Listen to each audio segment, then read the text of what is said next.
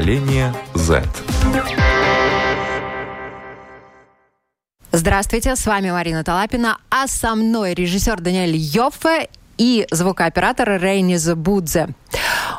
Около полумиллиона жителей нашей планеты выздоровели от коронавируса, с чем мы их и поздравляем и желаем скорейшего выздоровления всем остальным людям, которые заразились этим вирусом COVID-19.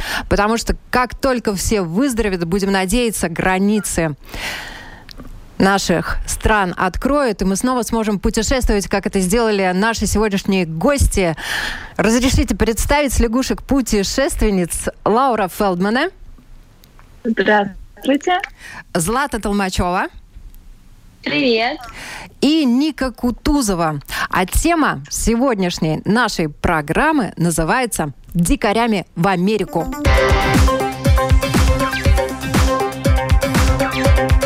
Поколение Z. Однозначно вам, э, девчонки, несказанно повезло. Вы успели, да, совершить путешествие прямо перед тем, как границы, собственно говоря, стран закрыли. Давайте рассказывайте, как вы вообще додумались, что вам нужно лететь за океан в ту самую Америку? Я могу, наверное, начать. Это было так, что э, я только вернулась после большого путешествия по Европе. И потом мне как-то одним вечером звонит э, организатор того путешествия. И говорит, Лаура, вот сейчас билеты в Америку туда-обратно 150 евро. Летишь или нет? Я такая, ну подожди, стой, давай я подумаю, мне там с мамой надо поговорить, завтра скажу. Говорит, нет, билеты сейчас. Я такая, хорошо, сейчас перезвоню через пять минут. Значит, звоню маме. Мама не отвечает. Я, как сейчас помню, сижу на кровати и думаю, в Америку 150 евро. Это вообще другой континент, другой мир. И если я сейчас не воспользуюсь этой возможностью, то вряд ли еще когда-то мне так повезет. Мама не отвечает. Я звоню Матису, говорю, все, я еду. В это время покупаю билет. И когда уже мама приезжает домой, говорю, мам, ну тут такое дело, я в феврале уже в Америку лечу. Вот. И потом я подумала, нужна компания. И позвала с собой Злату. Да. Злата. Так и было. Так и было. Да, сначала она не согласилась. А потом, а потом, а потом все-таки ее уговорила мама и я, и, и вот мы побывали в Америке. Твоя а мама, с Никой да? мы уже и моя, и ее обе. Да, моя да, история такая же, как у Лауры. Вот с этим же одним днем мы были вместе в одной и той же поездке летом в Европе, где вот только по возвращению из нее предложили следующий вариант, точно так же в один день. Э, точно так же я думаю, так, февраль, февраль, господи, я вообще не знаю, что я буду делать в феврале, где я буду, я даже не могу перекинуть эти даты сейчас, но 150 евро Америка – и я смотрю, покупаю срочно, они дорожают, они дорожают. Я вижу, как там подорожало, пока я думала, не знаю, какой-то час, э, уже на 10-15. Я думаю, так, сейчас еще пару часов, и, и все, и билеты закончатся по такой цене. У меня не было денег на карточке. Я побежала быстро до ближайшего банкомата с последними сбережениями из копилки какими-то запихивать, скорее покупать. Вот. И ну ладно, все, билеты в Америку есть. Это когда-то заоблачная мечта, пока что э, отдыхаем. Так что вот да. такое У меня точно так же было. Что... А потом только ты понимаешь, осознаешь, и мама приезжает такая, а у тебя же потом экзамены, а когда ты будешь готовиться, ты же школу пропустишь. И я такая, ну, это будет потом. Сначала я съезжу в Америку, а потом уже будем решать остальные проблемы. Ника, а тебя легко отпустили за океан родители?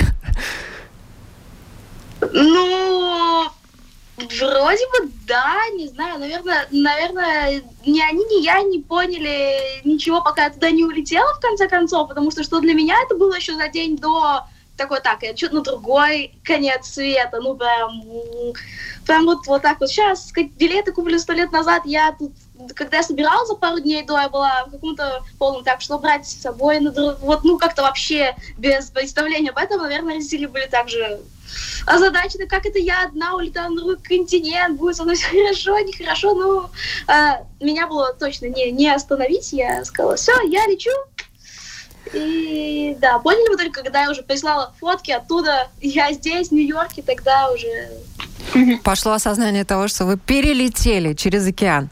Ага, хорошо. Давайте, девчонки, расскажите вообще э, то, что касается документов. Документы же нужно было какие-то оформлять?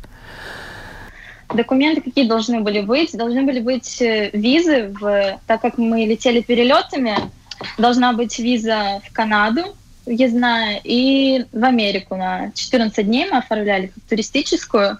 Она стоит там буквально 14 долларов, и в Канаду тоже, по-моему, 7 стоила. Вот. И мы даже канадских. Да. Э, организатор, который вот оформлял поездку эту всю, предложил вот встречу, и мы пришли, там все сделали. Я, честно говоря, очень волновалась по этому поводу, потому что слышала, что очень тяжело получить визу, но оказалось вообще пару минут буквально, и оно уже присылает тебе на почту. Пожалуйста, вы можете езжать сколько угодно. Ну так. А много ребят с вами вместе летело?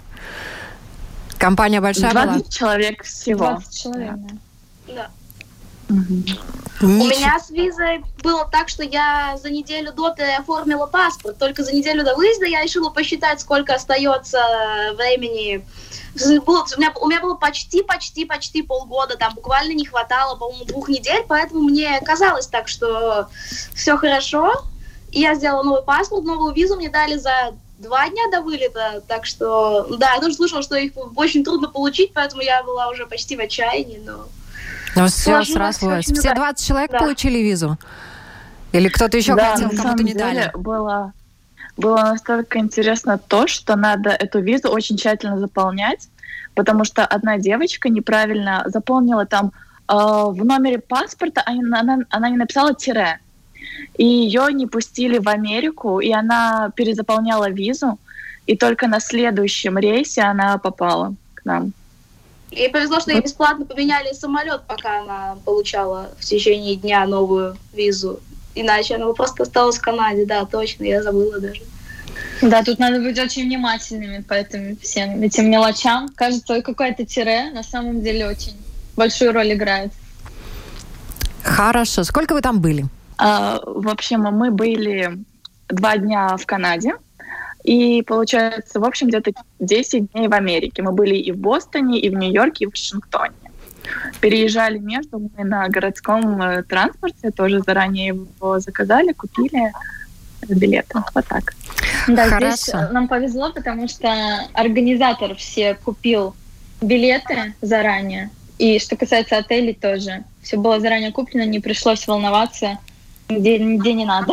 А, ну то есть вы реально такие лягушки-путешественницы, зацепились за организатора, да, и полетели. Да, Ну и за, за друг друга да. тоже. Мы знали, что кто-нибудь в группе точно, у кого-то все есть, у одного таблетка от живота, у второго зонтик, у каждого, и каждый подготовился к чему-то, поэтому мы знали, что не было чувства, что мы пропадем, где-нибудь останемся. Вот, у всех вместе все собралось. Но все равно Америка, э, удовольствие, путешествие, это всегда денежки. Где вы взяли деньги? На те же билеты, на то же путешествие вообще много денег с собой надо было брать. Вот как Лаура уже сказала, билеты обошлись очень дешево. Таких вообще это исключительная, наверное, ситуация, когда за 150 евро можно взять билеты.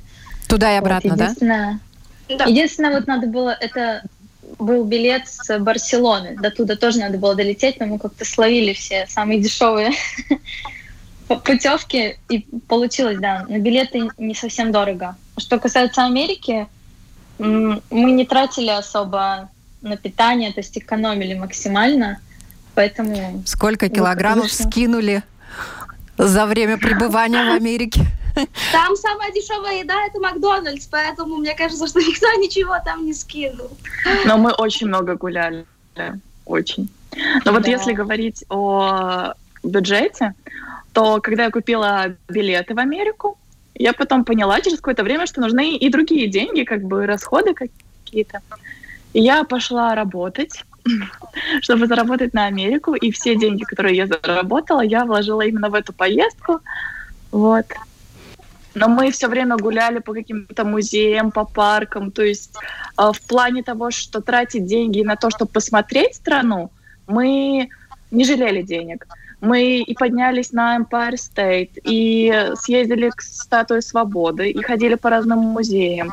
Так что я считаю, что мы вполне познакомились с Нью-Йорком, как минимум. Давайте рассказывайте подробнее, в каких музеях были, что видели в Нью-Йорке, в Вашингтоне, в Бостоне. А, значит, из музеев, вообще музей, музеи там все не дешевые. Единственный музей, в который я, по-моему, одна из группы смогла попасть э, бесплатно, это был э, МОМА, э, ну, Modern Art, получается, музей, где там самое большое, по-моему, собрание, я мечтала посмотреть на «Звездную ночь Ван Гога», и там и Пикассо, и Дали, и просто всех, все мировые имена, которые можно назвать, там есть, и самые их известные картины.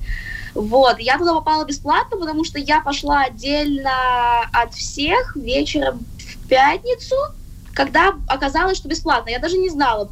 Там с 6 до 9 вечера, который я там провела, был бесплатный вход для всех желающих. В остальные дни все музеи стоили где-то плюс-минус 20 долларов. На, вот. метро показа... Э, на метро покатались?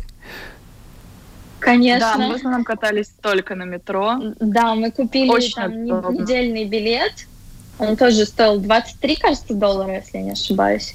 Или, может, чуть дороже. Мне кажется, подороже, да. Ну, в общем, дело в том, что я сама от себя не ожидала, что я э, разберусь в этой всей системе, потому что интернет тоже мне показывал, что ой, Нью-Йоркское метро это просто невозможно, это для каких-то сверхразумов, но оказалось очень да. просто, и мы даже сами, вот я, мы с Лаурой просто брали, ездили куда хотели, ну, в свободное время от экскурсий. Мы встретили закат на одной из самых высоких точек Нью-Йорка, Empire State Building. В общем, это было просто невероятное зрелище. Все просто, все сознание этого переворачивается. Ты видишь вот эту красоту, вот эту мощь города, то насколько вообще люди все такие маленькие, там ходят, их не видно. Мы там встретили закат, и действительно текли слезы. Вот, вот да. А я это худшее воспоминание. Я больше никогда в жизни не пойду на Empire State Building, если буду в Нью-Йорке. И лично я никому не посоветую. Я буду негативно. Это было два часа очереди подъема туда-обратно. Я не успела ни на солнце, ни на закат. Было темно. Было очень-очень-очень многолюдно. Внутри все окна были какие-то довольно запотевший, заляпанный на этом балконе тоже было, не знаю, с, по сравнению с другими обзорными площадками Empire State Building э, слишком переоцененный, слишком туристический. Там можно посмотреть только на китайцев, по-моему. Не знаю, может быть, да, мне не повезло, но я... Здесь зависит от того, как ты посмотришь на это все какой жизненной позиции ты будешь на это смотреть. Если будешь искать негативные, то, конечно же, и найдешь. Но вот у меня, меня тоже, я согласна с Лаурой, меня полностью перекрыло, слезы сразу льются. Я уверена, что и там, где была Ника, на Рокфеллере, да, я уверена, что и там бы меня перекрыло, просто я не успела Нет. бы сходить. Вот другие мне обзорные места понравились больше. Empire меня немножко разочаровал. Но в общем, мы еще взяли э, лодочку и доплыли до вот статуи свободы, вот к этому э, острову. Э, еще зашли там в музей Америки.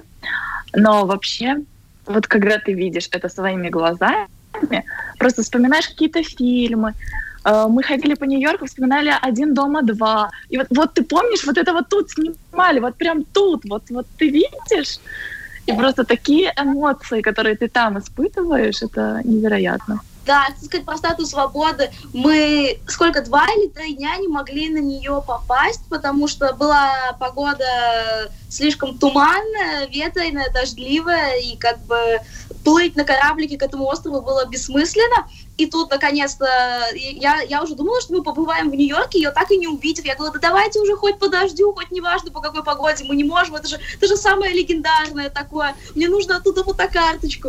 Э, вот, и тут, наконец-то, просто идеальная погода. Ну, ветер был, да, ну там, ну, остров, там было так солнечно, вот, не знаю, вот там прям было невероятно Я чувствовала себя вот действительно как в фильме, прямо я с этим легендарным видом, в легендарной картинке, оттуда такие панорамы, так что да. Да, что касается погоды, я тоже не ожидала, потому что февраль, ну как статистика вроде говорит, что февраль это месяц гриппа и, в общем, всяких болезней, там пасмурно, все время тучи, Сейчас хмуро, у нас 2020 а год, э, год коронавируса.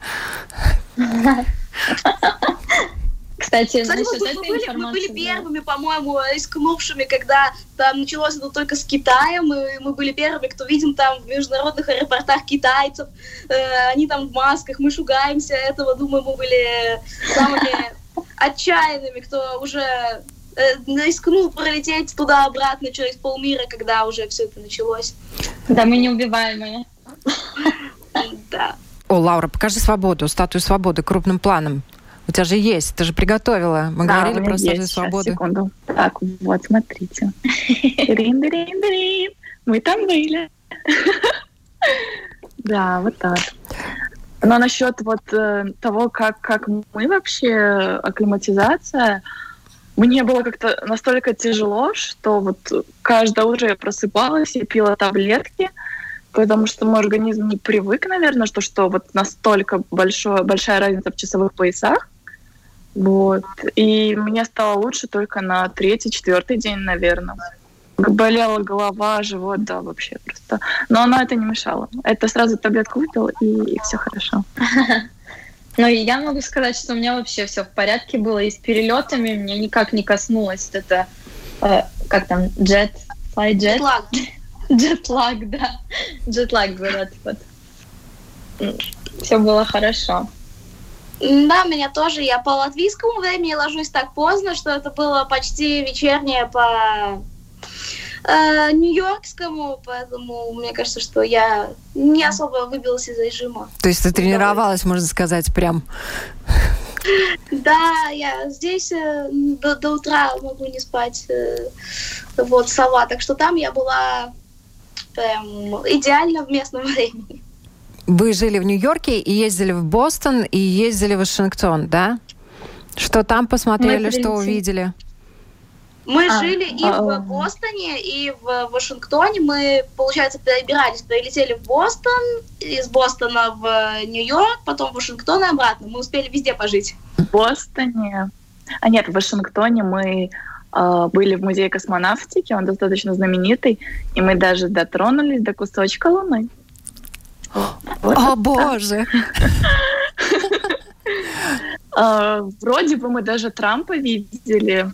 Да, даже два раза, как мне кажется. Точно видели. Мы же Но главное, главное верить. Это, это главное был верить. именно Дональд Трамп. Да. Ник, расскажите, расскажи, как ты, как вы видели Дональда Трампа? Что, что произошло? В Вашингтоне вы видели Дональда Трампа? К Белому дому-то ездили, конечно, да? Ну да, вот на, у нас было некоторые сомнения, потому что то расстояние, на котором можно стоять там от Белого дома, от выхода всем туристам немножко далековато без бинокля разглядеть точно э, личности. Ну, то есть мы с моделью просто фотографировали с Белым домом, тут оттуда начала выходить какая-то делегация, подъехало очень много машин, лимузинов, и ну, ну мы стали высматривать, кто же там идет. Вот, и думаем, что там одна из персон была Дональд Трамп. Однозначно. Ну, Я ну, считаю, что однозначно там был Дональд Трамп, но не могло в Белом доме... Э, Белый дом не могла приехать делегация без него. хозяина Белого дома, правильно? А каких президентов да. в США вы еще знаете? Барак А мы были... Мы были еще возле Линкольна. Вот, возле его статуи. Я тоже сфотографировали. Франклина, который на 100 долларов купюре изображен. Можно очень много мистера Франклина. Знаете, я еще хотела добавить про Белый дом. Меня он не очень впечатлил, потому что на фотографиях все такое яркое белое, а что в округе не показывают, как правило. Я там была, стояла, и это очень интересная картина, когда этот Белый дом такой идеально чистый, там газон весь зеленый растет, а вокруг все серое, мутное, как какие-то тучи, а над этим белым домом солнце светит. В общем, у меня такая картина сложилась, я не очень была впечатлена. То как будто там все дорого-богато, а здесь вокруг бедно и ну, возможно, это истина такая, просто надо принять как есть. Ну, я увидела так. Мне, мне кажется, там была какая-то стройка, возможно, вокруг. Вот мы стоим, там какой-то строительный забор, может быть, они там сейчас улучшают эту округу и что-то реновируют, потому что мне кажется, что там были еще какие-то строительные заграждения, поэтому мы так на него посмотрели, как красивая лужайка, и вокруг еще не очень. Хорошо, что вы видели в Бостоне? Мы были в, в MIT, в Гарварде. Вот. Э. Да, мы, кстати, еще успели поездить по университетам. Вот. Э, в принципе, мы были еще много на районах Чайна-тауна, но они не впечатлили никак в кино. Но все равно посмотреть а стоит. Хотели бы учиться в Америке? Ну вот я смотрела на этих учеников, мне показалось, у них жизнь просто однотипная, они только видят эту учебу и живут этим только. Помимо этого ничего у них не, нет интересного. Поэтому я бы не хотела посвятить себя вот так вот. Я понимаю, что это такие университеты серьезные, куда надо полностью из головы окунуться и все. Поэтому мне не привлекло лично. Не знаю, как девочки, что думают. Если на меня не свалится выигрыш вот миллион долларов э, до следующего года, то очень вряд ли это так далеко и так дорого. Потом прилететь на каникулы домой, это же не 150 евро уже будет слишком, слишком уж такое большое расстояние очень оторвано от нас. Но университеты интересные. Ну, наверное, все-таки из Латвии сразу туда как-то далековато. Может быть, когда-нибудь туда постарше, может быть, я стану доктором наук, не знаю. Ну, лет через 10, там 20 все может быть, а пока что нет. Вы проболтали, что были, э, побывали в Чайна-таунах разных городов, да, вот э, где-нибудь еще в злачных местах. Я не знаю, довелось ли вам побывать в Гарлеме, или вам сказали, туда ходить нельзя, ни в коем случае ездить на метро. Никто ни о чем не предупреждал? Не приглашали. И Бронкс, да. тоже говорили не суваться, ну, мы туда и не сунулись. Хотя мы жили в Квинсе, и вроде вначале казалось, что район у нас очень приличный, но в Нью-Йорке вообще гораздо более криминальная жизнь, больше преступности. Я помню, как я удивилась, когда вышли из отеля, вроде отель супер приличный, все очень тихо вообще, и там э, какая-то сгоревшая машина, выбитые стекла, грабленные, все это так побросано. Mm-hmm прям посреди улицы так и стояла всем как бы да, все, мне все кажется, все возможно. Нормально. У нас бы это было такое, там во всех новостях, там что-то машины подожгли, разбили, а там прям... Существует э, этот весь криминал, просто нас он обошел стороной, мы ничего лично не видели mm-hmm. такого. Ну, слава богу, но вот э, вас было 20 человек, никто ни в какие приключения не попал. Никого ниоткуда вытаскивать не надо было. Вообще какие-нибудь приключения у вас там были? Случились неожиданные, непредвиденные?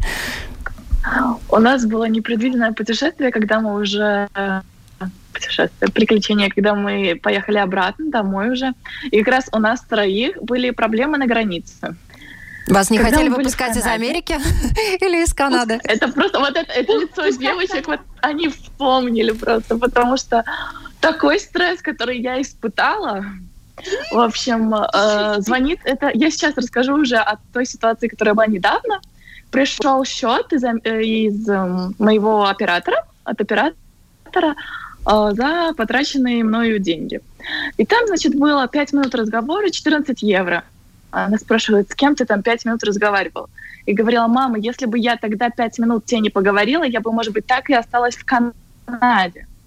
Потому что ситуация была такая, то, что в аэропорту надо было заполнять декларацию. И мы втроем как раз заполнили эту декларацию на троих. И потом разошлись. Девочки поехали на одном транспорте, я на другом. Ну, собирались поехать. Так вот. И, и потом э, мы разошлись, декларация осталась у меня, и девочки куда-то ушли. И, значит, я подхожу уже к выходу, а там стоит человек и проверяет эти декларации. И спрашивает, где еще двое? Я говорю, а, а они где-то ну, уже вышли, наверное, или уже прошли, я не знаю. И меня не отпускают. И меня поставили за черту и сказали, стой, тогда жди. Я звоню, Златит, Злата, вы где? Она мне толком ничего не отвечает. Я не понимаю, что происходит. Я догадалась дать обоим нашим пограничникам телефоны, чтобы она дала своему, я своему. В итоге нас как-то привели друг к другу. Все вещи обыскали. Ники вообще не верили, что это ее документы. У нас там у всех была паника, я уже вообще не знаю, что делать. Все прошли, а мы вот еще на границе. И что? И что дальше? То есть получилось, что вы через разные входы пытались попасть в терминал, да? Э, нет, из, ну, мы пытались выйти в э, Монреале из аэропорта, и вроде мы уже прошли паспортный контроль, где нужно было сделать эту декларацию, то есть у нас проверили уже паспорта, и мы уже не думали, что на выходе к нам дерутся, вот что мы с этой одной бумажкой должны все, всех нас вместе так и выпустить. И мы думали, что Лаура уехала уже куда-то, и со Златой остались мы вдвоем и нас повели на дополнительный контроль, и все это продолжалось где-то час, по-моему, там потом, судя по смс-кам от остальной группы, которая нас про, э, потеряла уже, потому что, да, просто мне, мне решили немножко потрепать нервы, мне говорят, это не ваш паспорт. Я говорю, как это? Я тут пролетела уже полмира с этим паспортом, мой вроде бы. И, ну, то есть я его поменяла только перед поездкой, что-то там не понравилось, показалось не похоже. Говорит, что еще есть? Я им вываливаю все карты, все... Они смотрят тоже, как будто шутят надо мной. Все ID, права, все, что только есть. И они смотрят все вместе, там уже собрался консилиум, пять пограничников. Вот эти. Ну, не знаю, мадам, ну, ну, мне кажется, что это не вы. Я говорю, серьезно? Параллельно-то если вещи, потом они такие, а что вы так трясетесь, вам плохо, вы, под чем-то, почему вы такая нервная? Говорят, да меня тут не верят, что документы, я не знаю, конечно, на меня рут пограничники, я, я уже нервничаю, такие, ну вы какая-то странность, Поси, посидите, подождите, там я думаю, о, все, приехали, приехали. Да, главное, они все так выглядят, ну, не внушают страх какой-то специально, чтобы ты их боялся, какая-то мания, не знаю. Меня тоже довели до слез, я просто сижу, ну, сижу, плачу, он такой, что случилось? Мне на английском, я говорю, I want home. Я говорю, все, отпустите меня. Он такой, ладно, иди. Слушайте, девчонки, но вот на такой случай непредвиденных обстоятельств вам ЦУ взрослые давали? Как себя вести, куда звонить, как действовать? Ничего такого не было. Все было экспресс. Да, мы сами справились, да. Но если что, если бы вас не выпустили, что бы вы делали? Ну, такого не случилось. Я себе изначально установку такую сделала, что все закончится хорошо. Раз уж я так рисково взяла и поехала, значит, также и вернусь домой. Поэтому я таких такого даже не планировала, не вернуться. Ну, если что, я думаю, что для э, жителей и граждан Латвии надо в первую очередь звонить, конечно, просить и звонить э, в службу консульской поддержки, которая есть в любой стране практически. Ну, во многих странах, по крайней мере, есть. И я думаю, что если бы какие-то серьезные проблемы вдруг возникли, то через посольство вас бы в любом случае вернули в нашу страну, нашу любимую Латвию. И э, вообще, вот после этого вам же получилось э, повидать еще и Монреаль? Я правильно понимаю? Ну и какое впечатление на вас произвел Монреаль? Да, в Монреале мы были только, я помню, Нотр-Дам. Мне так больше ничего не запомнилось. А, еще и мы еще закат встречали. Да. Хими... Хим... Закат отличается от нашего заката? А вот эти небоскребы большие, да, и когда включается еще свет, подсветка, ну, отличается. Это, конечно, зрелище еще то, и мне кажется, тогда можно было встречать, сидеть и смотреть на этот закат просто вечно. А еще там была единственная настоящая зима за всю поездку. Там, э, ну, правда, начала на обратной дороге даже немножко снежная буря начинаться, но улетели мы хорошо. А, вот, вот там была прям снежная-снежная, зимняя-зимняя, то, чего так не хватало нам в этом году. Просто я люблю прям такой вот э, э, настоящий рождественский новогодний снег. В этом году было очень обидно, и Канада была единственной вот э, э такой прям по-настоящему зимней сказкой. Ну давайте, что больше всего понравилось и что больше всего разочаровало каждую? Давай, Лаура, начнем с тебя. Девчонки думают. Но мне больше всего понравился Нью-Йорк. У меня еще в Нью-Йорке случилось такое... Меня, наверное, покорил немножко Амур или что-то такое. В общем, у меня там еще все закружилось, забурлило. Да, девочки знают. И, в общем, там такие приключения были, несмотря на то, что мы в Нью-Йорке, так еще и какая-то любовь, симпатия. И просто кажется, ну, ну что еще? Что еще будет дальше? Но мне, наверное, больше всего понравилась э, статуя свободы и вид, который был оттуда на город. Вот это. А разочаровал, наверное, Вашингтон, потому что как-то не оправдал моих ожиданий в плане... Я думала, что если тут живет президент, еще и Америки, то тут должно быть что-то такое прям вау. А это был обычный город, не было небоскребов, самые простые люди, да и, как Злата говорила, Белый дом тоже ничего особенного. Да. Злата, Я давай. могу начать. Мне очень понравилось, согласно, Нью-Йорк. Это такой огромный мегаполис, то, что мы тут... Э, Латвия кажется обычной деревушкой по сравнению с этим. Ты чувствуешь себя каким-то маленьким мизерным муравьишкой там по сравнению с этими э, всеми небоскребами. И мне очень понравилось, что люди ведь такие все в делах, бегут куда-то, все заняты, и они очень приветливые. У них такой менталитет, но меня очень впечатлило, что даже кассиры в каком-нибудь какой-нибудь кафешке спросят, как у тебя дела, откуда ты, что ты, как ты, как живешь, чем живешь. Это Почему такой худой? Не спрашивали? Сердечко. Почему такие худые? Не спрашивали вас в Америке? Да мы не На самом худые. деле, я очень прям вот согласна со Златой, потому что когда я вернулась в Латвию, я еще была в этой эйфории от Америки, как в Америке мы всем желали хорошего дня, а, чтобы день удался.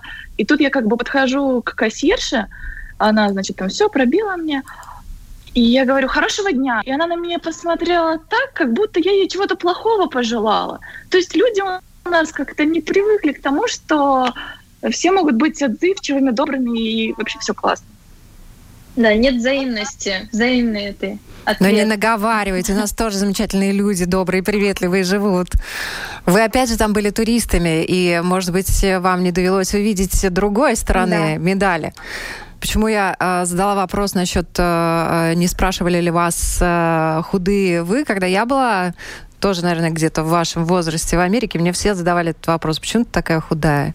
Может быть, ты болеешь? Спрашивали меня некоторые американцы. Злата, кстати, ты не Ну. сказала, что тебя разочаровало? А, А. я об этом не задумывалась. Мне как-то ничего не разочаровало. Может, потому что, может, то, что грязно, и крысы, вот я не привыкла вообще. Крысу видела последний раз, наверное, в детстве только, когда маленькая была. Ну вот очень часто в Нью-Йорке бегают крысы прям по улицам. И у них там... А большие или маленькие? да. Большие или Да, они маленькие? разные. Они, такие большие, толстые. В метро, вот в метро особенно. Откормленные гамбургеры. я не, я не видела ни одну крысу за всю поездку. К счастью, меня я нигде, я нигде под ноги не смотрела, я смотрела только как-то непривычно, когда все настолько поначалу вот так действительно ходила задранной головой. Весь Нью-Йорк прямо такой вот сверкающий, блестящий, двигающийся, но, наверное, такое сильное впечатление эмоционально оставил мемориал музей э, 11 сентября. Особенно, когда мы пришли на сам мемориал, вечером там было очень э, красиво с э, такой драматичной подсветкой и зная историю как бы всего О, я вам памятника. приготовила открытку, которую я привезла в 2001 году. Это твинсы. Мгм.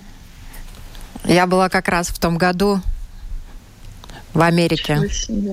Да, я только когда вернулась и рассказывала про это родителям, только тогда мне папа рассказал, что он был в Америке в 2001 году, буквально за пару дней улетел э, из э, Нью-Йорка тем, как все вот это вот случилось. Я думаю, что он, видимо, не хотел меня пугать перед, ну, неприятная как бы история, но да, вот, в общем, место, ну, такая, и сама красота, и атмосфера, и вот понимание того, что там случилось, прям было такое душевное, сильное впечатление. А разочарований, наверное, не было никаких. Тоже такого вот чего-то одного точно не было. Наверное, только мне всегда мало разочаровало то, что нельзя было остаться там подольше, поехать куда-то еще. Страна это, конечно же, люди. Вот довелось узнать что-то от них. Да. Я могу сказать то, что когда в основном мы из аэропорта добирались до города на такси, и все таксисты, им было настолько интересно, откуда мы. Они все вообще не знали, где находится Латвия и что это. Но они, там один даже попросил, чтобы мы написали э, название страны и город, что он потом посмотрит в интернете. То есть все очень любопытные, но никто не знал, где мы вообще находимся. Для Америки мы где-то там далеко. Вот, но все удивлялись, что мы приехали сюда, где-то из Европы.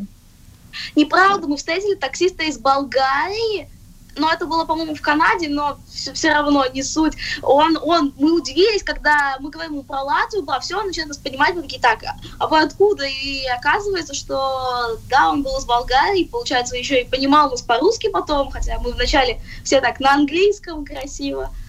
Вот, это Знаете, было интересно. Хотя больше, не, ну русских, русской речи много было, а вот кого-то еще из Латвии там не встретили.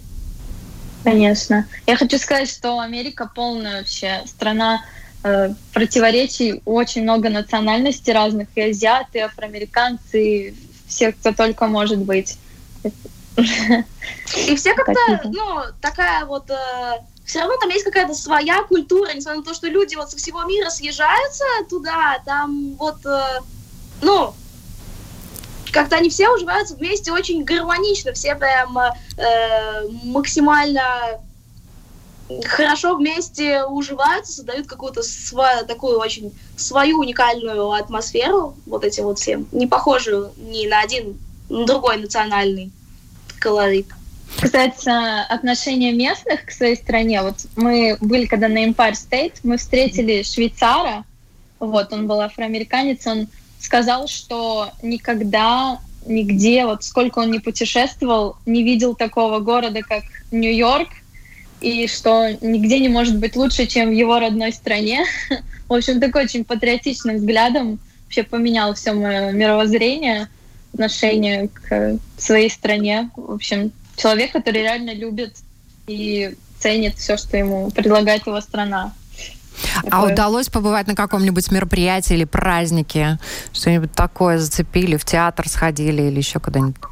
На концерт? Я знаю то, что ребята из нашей группы, они побывали на играх, на НБА и на хоккейной какой-то там игре. Да, НБА это Но вообще... они тоже остались в очень хорошем ой, впечатлении. Вот. А, они остались под впечатлением. И было тоже очень много людей. И вот та атмосфера, которая царила на игре, это вообще никакой телевизор вообще не передает. Вот так вот. Так что ездите смотреть баскетбол в Америку, да? Вживую. Кстати, я хотела вам задать вопрос. А, есть такое мнение, что в Америку а, надо ехать с пустым чемоданом? Потому что, и, ну, конечно, надо брать с собой деньги, потому что там все достаточно дешево. Шопинг в Америке не сравнится ни с каким э, шопингом в Европе. Так ли это? Да, это ко мне, наверное, по большей части вопрос. Не знаю, как девочки, но я точно очень была впечатлена ценами. Я заядлый шопоголик, и вот мне мама, ну, родители давали деньги, вот тысяча ровно ушла только на какие-то сумки, вещи, аксессуары и так далее, потому что мы ходили на что-то по типу хуманы магазины, где можно ну, из брендов выбирать любые вещи по их оригинальной цене, не с наценкой, как это происходит у нас, еще и качество совсем другого все приходит. Поэтому там очень выгодно. Я могу сказать то, что я поехала в Америку с ручной кладью, вот с такой вот сумочкой. Вот, она совсем маленькая, вот, вот такая. И когда я сказала маме, что да, я с ней поеду на 10 дней в Америку, она сказала, посмотрим. Посмотрим, как ты туда все ложишь. Но для меня не был прям вот настолько классный, наверное, шопинг в Америке, потому что э, вот мне как-то не понравилось то, что я должна стоять, выбирать, вот это вот все, тратить время, я лучше пойду погуляю там по городу, пусть девочки закупаются, а я вот посмотрю окрестности. Вот, и потом мы встречались и гуляли дальше. У Ники же другая ситуация. Она поехала туда с огромным чемоданом, я просто который, мне кажется, больше, чем Ника сама. сама хочет рассказать, да? Давай, Ника. Э, ну, между прочим, чемодан просто мне казалось это вот этой вот, э, ну, правилом, то, что ты едешь на другой континент, как можно поехать без сдаваемого э, багажа, ну, а если уж сдаваемый, то, ну, большой, зачем брать какой-то крошечный чемоданчик, э, вот, ну, был довольно полупустой, в итоге я просто собрала то, что не влезло или не, нельзя было провозить со всей группы, там духи от всех девочек были в моем чемодане, потому что я была единственная с сдаваемым багажом. Я была очень удивлена, что все едут на такой шопинг, что даже не взяли с собой багаж, просто с ручными кладями все. Э, вот. Э, но тоже не, не покупала никакой одежды, не люблю все вот эти вот э, барахолки, где нужно что-то выбирать, даже если есть там просто бриллианты, алмазы, то я просто не могу, я вижу вот эту кучу вещей, для меня это крест, поэтому накупила только сувениров, каких-то там сладостей, вот, ну, то есть такой ерунды. Ну, давайте, девчонки, дикарями в Америку не страшно, я так понимаю, ехать, да? Можно, если команда из 20 человек смело. Советы бывалых нашим радиослушателям, зрителям, что надо учитывать обязательно, если вы собрались на другой континент? Я могу сказать спасибо большое моим родителям, потому что я бы не доверилась своему ребенку и не отпустила бы его на другой континент, где я никак как бы не могу ему помочь, не могу до него доехать. И это действительно очень ценно. Вот. А кто хочет ездить в Америку, дерзайте, не бойтесь. В любом случае, где-то можно найти дешевые билеты. И я считаю, что это должен увидеть действительно каждый человек. Да, я согласна. Рискуйте самое главное. Э, потому что без риска не будет тогда результатов никаких. А что делать, если поступило предложение, я всю жизнь об этом мечтала, и вот оно, я же не могу отказаться, потому что у меня там не хватает денег или там что-то это или то. Просто брать и делать, брать все в свои руки, неважно, что у тебя там под рукой, ничего нет, все на пути, э, все, что самое нужное, то и подключится. Поэтому просто действовать нужно. Да, наверное, я присоединюсь ко всем словам э, девочек. Э, действительно, нет ничего такого страшного в этом, ничего необычного. Это не сложнее, чем ехать куда-то в ближнюю Европу. Главное, возьмите с собой несколько кредитных карточек или налички. Там то не одну не берут, то другую не берут. Главное, чтобы у вас были деньги – все остальное можно делать с пустым рюкзаком, если есть деньги что-то купить, чтобы не пропасть с голода, не умереть, то дальше все будет супер. Удобные кроссовки, и вся Америка вам покорится. Ну, что-нибудь э, уже задумали, куда-нибудь уже намылились после того, как снимут запрет на выезд-въезд? Я вообще должна была полететь в Лондон. Вот прям вот сейчас, в эту пятницу, просто вот настолько была расстроена, действительно. Я до последнего надеялась, ну а вдруг, ну а вдруг именно нас пустят. Но на самом деле получилось вернуть билеты, и мы еще вернули билеты, нам еще 20% плюсом доплатили. Так что полетим сразу же после того, как нам откроют въезд-выезд. Я планировала лететь летом отдыхать, но чувствую, что отдыхать буду на балконе у себя. Но это тоже неплохо, зато в такие моменты ты начинаешь ценить сами вот эти путешествия, что у тебя есть возможность вообще куда-то поехать, э, неважно за какую сумму. А то тут ее отобрали, свободу отобрали, и сиди, и то потом, как это будет вообще да, полной программе. я рада этой паузе, моменту остановиться, вот это вот все обдумать, вот так вот переварить эти впечатления, а то в такой бешеной гонке уже стираются, как-то все вот смешиваются э, в одну кучу эти моменты, а потом вот такая пауза для расстановочки, для приятных воспоминаний. Так, к счастью, больше пока никуда не планировала, успела вернуться за день до закрытия границы с Голландией, и на этом, слава богу, все. Так что сейчас на паузе на отдыхе домашнем. Спасибо большое, девчонки, за ваш э, рассказ э, об этой интересной стране Америки о том, что туда можно путешествовать действительно дикарями. Ну и желаем всем, чтобы поскорее все-таки границы открыли, и мы снова начали путешествовать и получать удовольствие от свободы передвижения. Всем хорошего дня!